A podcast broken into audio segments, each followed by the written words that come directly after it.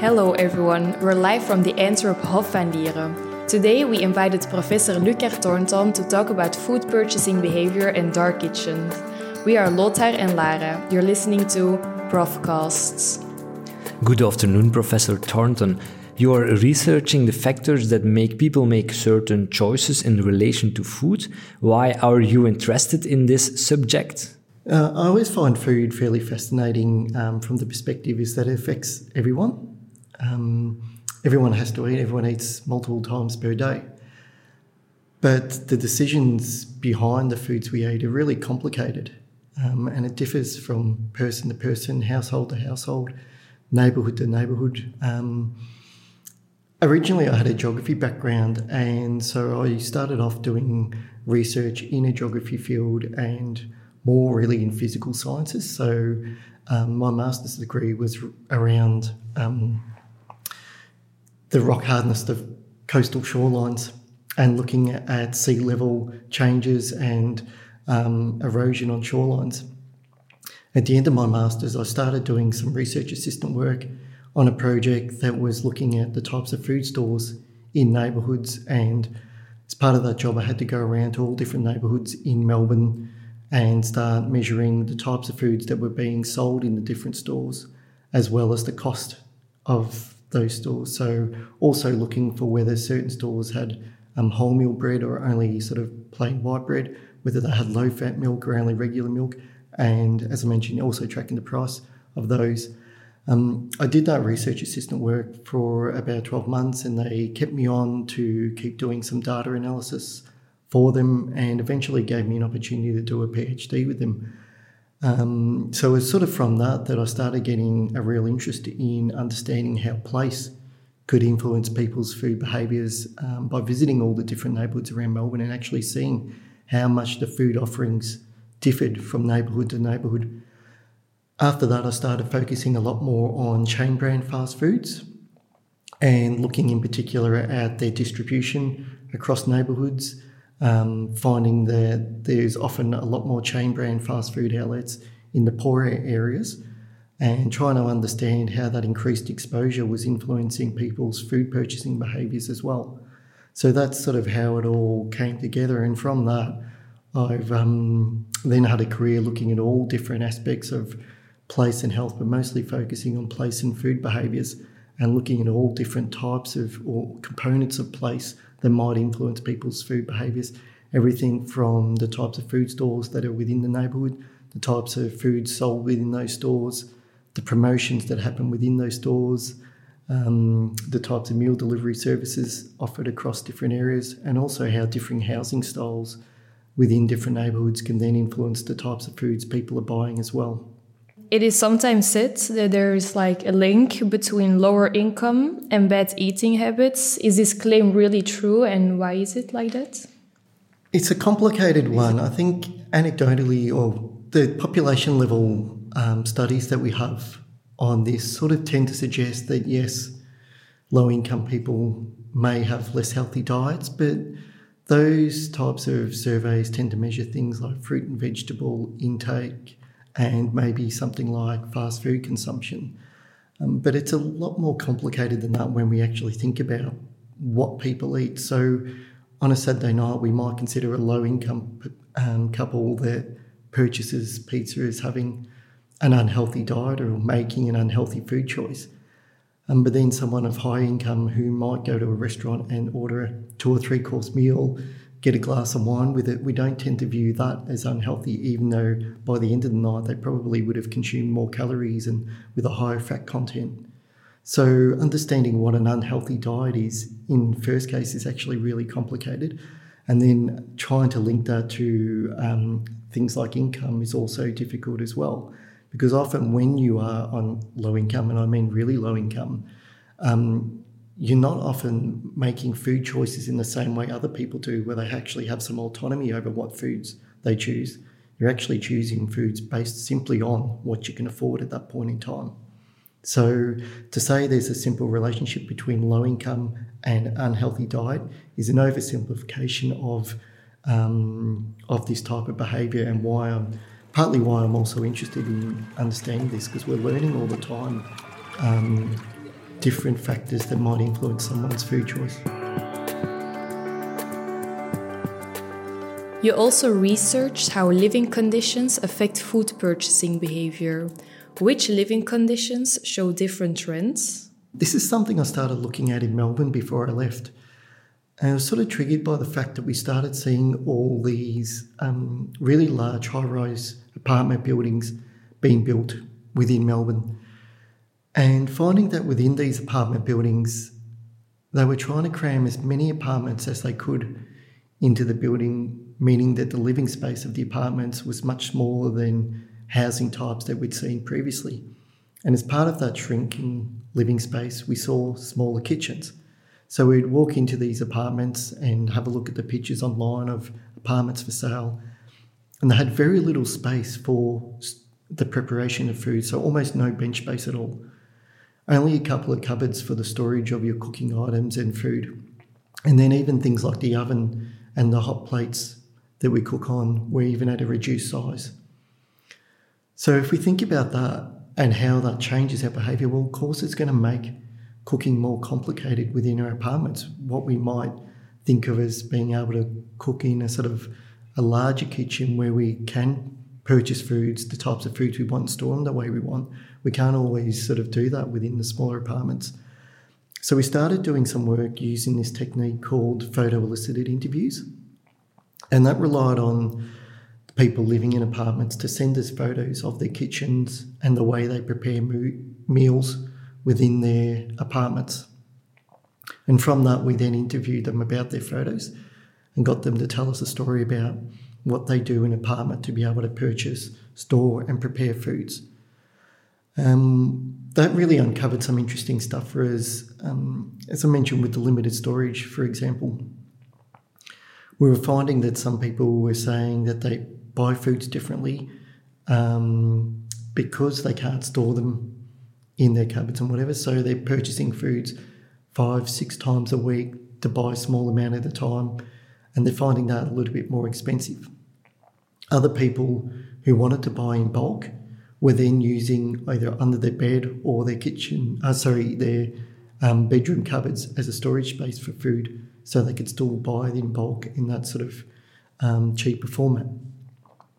Um, it also meant that people were buying additional benches, temporary benches for their kitchens and their housing, and either putting it in their lounge room or somewhere so they had a space to actually cut their food up.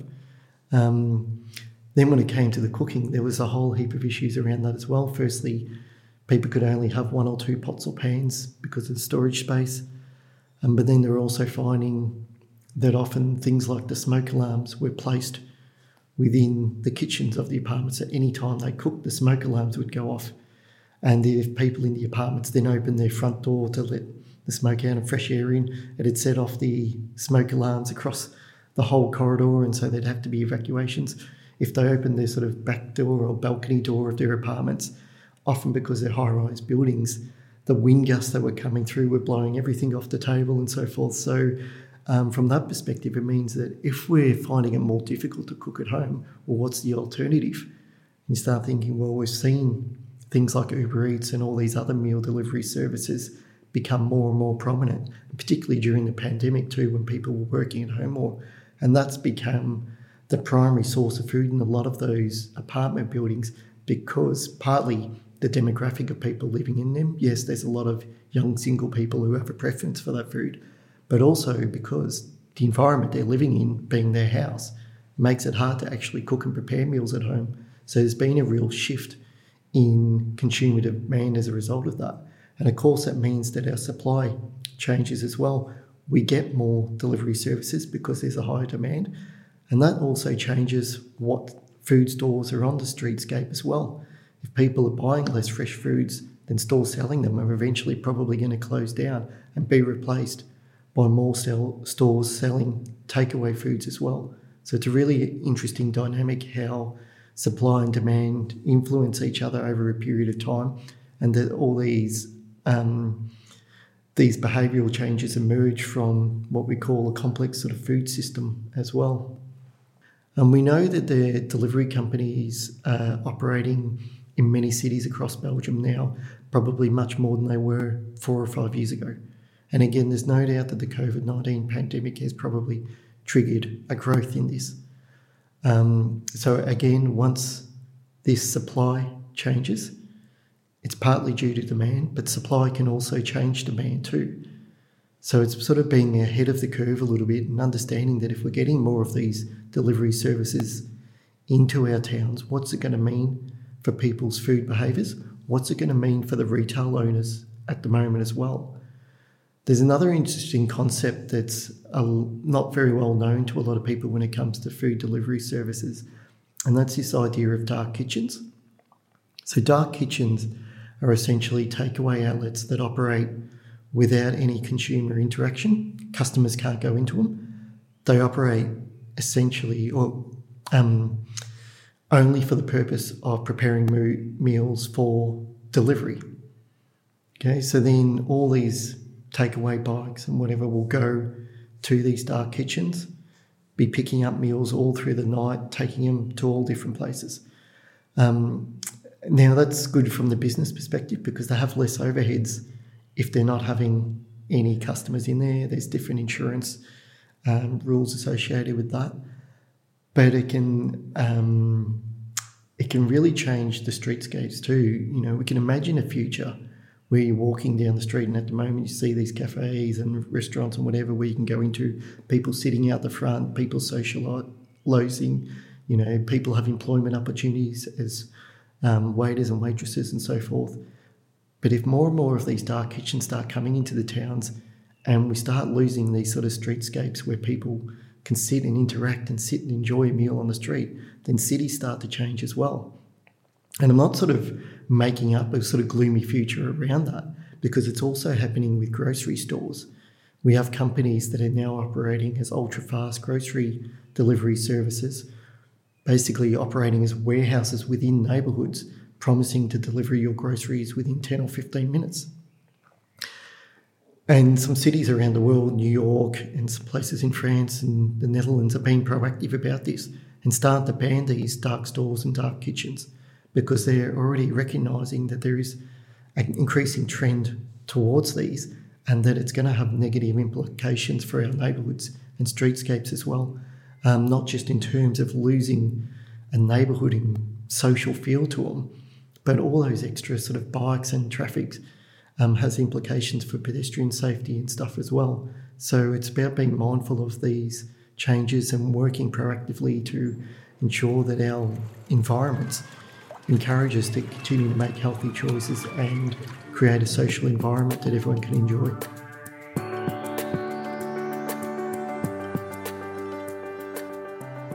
What was for you the biggest surprise when you came to Belgium to live here?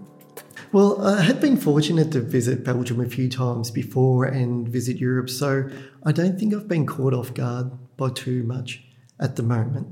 Um, one thing I think that maybe not a surprise, but I've picked up talking to people as well, um, and it comes back a little bit to this change in food supply too, is that people have talked about how difficult it's becoming to purchase traditional Flemish foods and that the restaurants selling traditional Flemish foods um, are sort of slowly disappearing or not preparing the foods the way they used to. And so I think that's a real shame um, if you hear things like that, because one of the great things about traveling the world and visiting different places is food tourism. And we've probably all got memories of places we've visited over the years and having meals associated with that place and creating a memory associated with that meal. Um, and maybe Flemish food isn't sort of, let's say, sexy as maybe some of the things that we might find in Spain or France and so forth, but it has, you know, its unique um, place here. And uh, I think it's really important that we make sure that businesses that are sort of supporting um, and providing those sort of foods that people can culturally identify with are preserved as well.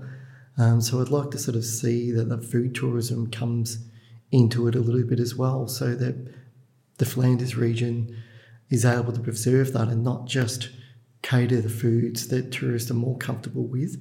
So, in the tourist areas of any town, you often see more chain brand fast foods and so forth because tourists sometimes feel comfortable and familiar with that. Um, but making sure that we don't lose that unique aspect of the towns. And what's yours favorite um, Flemish meal? I think anything that's slow cooked and rich. So, um, give yeah. an example. Oh, stoofvlees, yeah, any anything like that, mussels, stoofvlees. yeah, yeah, yeah. stoofvlees, yeah. Um, anything that you can have a nice um, Belgian beer with as well, I think is, yeah, definitely one of my favourites. Right. Um, um, because you also lived in Australia, what do you think um, the food purchasing behavior is in Belgium or in Antwerp compared to Australia? Do you see like a difference? I think I have observed the difference at the moment. Um, it's not just about the purchasing, but certainly promotion of foods. I'm finding a lot different here. In Australia, the promotion of junk foods is excessive. It's everywhere sport, bus shelters, billboards outside of schools, train stations, junk food advertising is absolutely everywhere. It's all through our newspapers. Um, I'm not finding that I'm exposed to it as much here. Um, so I think that's obviously a really positive thing. And I think that it transfers into people's diets as well. Um, I'm not observing as much junk food and unhealthy eating practices here in Belgium so far. Um, so, uh, in, on the back of that, too, I think that's also reflected somewhat in the obesity rates between the two countries. Overweight and obesity prevalence in Australia is much higher than what we observe in Belgium. So, just walking around, observing people, looking at what people are eating over lunchtime or whatever, to me, I would say Belgians that I've observed so far have a much healthier diet than what would typically see in Australia. Okay. Also, you were talking about students. Like in Antwerp University, everyone, every student go eat like yeah, we call it a smos, like a sandwich. Do they, they also do that in uh, Melbourne University? Um, no, we probably have. We wouldn't traditionally have something like that, although we could get something similar. But one of the things about Melbourne is that it is an incredibly multicultural town. We have a couple of hundred different languages that are spoken in Melbourne because it's built on migration across the various wars, um, not just the major sort of world wars, but all the smaller wars across time as well. So we have refugees and migrants from all over the world, particularly in cities like Melbourne. And um, I have to say, one of the things I really love about Melbourne is that each of those cultures and migrant backgrounds have brought food with them. So it doesn't matter um, what you feel like, you can find traditional restaurants of any cuisine you like across Melbourne. Um, some are more concentrated in particular neighbourhoods, some are more dispersed, but it's got a really diverse food offering as well. So you talk about here in Belgium, you might see students see picking something, you know, and all students going to that one thing over and over again. We have so much variety and choice. I wouldn't say there's one thing I see students picking over and over again in Melbourne.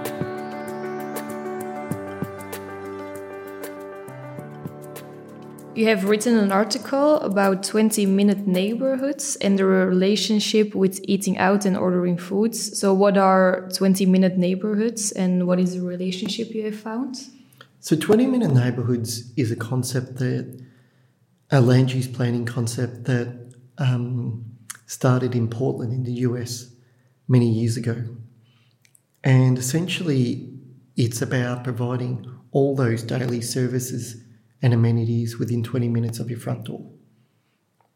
So, Melbourne picked up this concept a few years ago and used it to underpin all their major planning strategies for the centre of Melbourne and the Melbourne suburbs. Essentially, what it means is that things like schools, um, food stores, open space, um, community centres, cafes, places we can socialise at are all within 20 metres, 20 minutes of where we live. And what they kept telling us in all these policy documents as well is that if you create 20 minute neighbourhoods, people are going to live more locally and they're going to have healthier lives. Now, I know from all the research I've done around place and health that giving people access to service and amenities is one part of the decision making process, but it's not the only part. So we started looking at this, um, firstly, understanding more well, how do we measure and understand what a 20 minute neighbourhood is, and how does it differ across different people too, because different people have different needs throughout the day. But secondly, what we wanted to look at was whether it was indeed encouraging more healthy and local living. So we've got a series of studies running at the moment where we're looking at everything from a variety of different types of food behaviours to physical activity behaviours and seeing whether people in 20 minute neighbourhoods are actually engaging in healthier behaviours and doing it closer to home compared to people who are living in what we term non 20 minute neighbourhoods, so areas with really low service and amenity provision. Um, we're finding that people do walk for transport and um, for their chores a lot more if they're in a 20 minute neighbourhood um, but maybe recreational walking, it doesn't matter as much. Um, food purchasing, the findings are quite mixed at the moment. We might see some hints that it does make it easier for people to access and purchase fruits and vegetables, but at the same time, because of the high level of amenity provision, those areas tend to also have higher unhealthy food outlets. So we sometimes observe too that people are also eating out of home for foods more often in a 20 minute neighbourhood because they're more accessible as well. So the relationships are really quite complex. And um, having a look at that in isolation and just saying, well, 20 minute neighbourhood is going to lead to a healthier lifestyle is really, again, with any behavioural decision, underplaying the complexity of what goes into an individual's decision making process. Would you say that Antwerp is a 20 minute neighborhood? Or do you know any 20 minute neighborhoods in Belgium? I think a lot of European cities are deliberately designed in that way and have been from the outset. Um, they're very much a satellite city concept, particularly in Belgium. You don't tend to have these really major three, four million people cities. And I know Belgium's a small country population wise, but there's lots of sort of small cities that are already all really well provisioned with services. And even across the neighbourhoods too, rather than having these really, really large chain supermarkets and so forth. Yes, you can find them, but every smaller neighbourhood has a sort of mid-sized supermarket as well. And that's at least what I'm observing at the moment. So I think in terms of Belgium neighbourhoods, most of them are pretty well designed in being able to give people access to what they need on a daily basis within a 20 minute trip from home.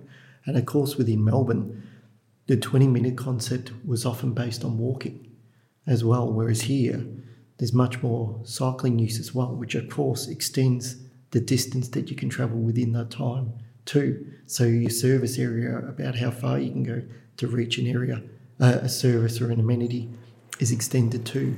So I think Belgium cities are really great from that perspective of being able to give people what they need within a short trip from their home.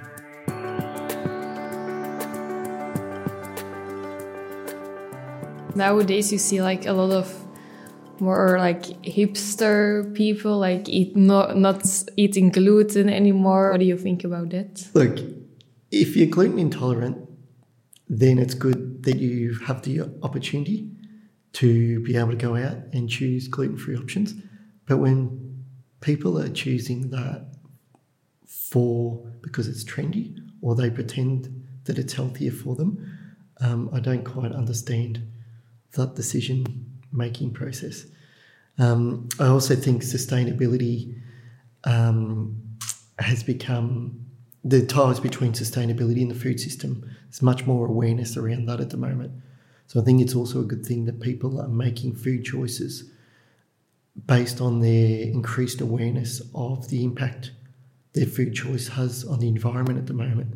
So it's not necessarily that people are going vegetarian or vegan, but there's definitely people choosing to have meat free days or meat free meals, realizing that if they reduce their meat consumption, it's going to be better for the environment. And I think that's the type of behaviours we should encourage rather than just saying, telling people you should become vegetarian and so forth. That's never going to lead to positive behaviour change. But if we encourage smaller steps, saying, okay, you know, lunch times, each year lunch try and be meat free, or one or two days a week trying to be meat free, um, trying to eat less processed and fried foods as well, which take a lot more preparation and have a lot more environmental impact, then all of those things can accumulate, not just be beneficial for your health, but also beneficial for the environment. For me as a consumer, I experience that it is rather difficult to determine which food products are really sustainable and which ones are marketed as being sustainable. It's not easy at all. Um, there's an increased number of labelling systems being introduced for sustainability, but each labelling system, whether it's for nutrition or sustainability, has an algorithm that sits behind it and it might be industry led, it might be government led, but that algorithm has some flaws in it always that is going to indicate some foods as being healthy or sustainable when they may not be. So, for a consumer who doesn't spend time understanding the impact of beef consumption or the impact of purchasing fruits that are only grown in, say, Southeast Asia or something, um, and the transport costs associated with bringing them here, then it's easy to fall into a trap of what we might consider to be healthy and sustainable um, because that knowledge that sits behind those decisions is really difficult to understand. This was Profcast with Lukar Thornton. Thank you for listening. Do you want to hear more? Then be sure to visit our website uantwerpen.be slash profcasts.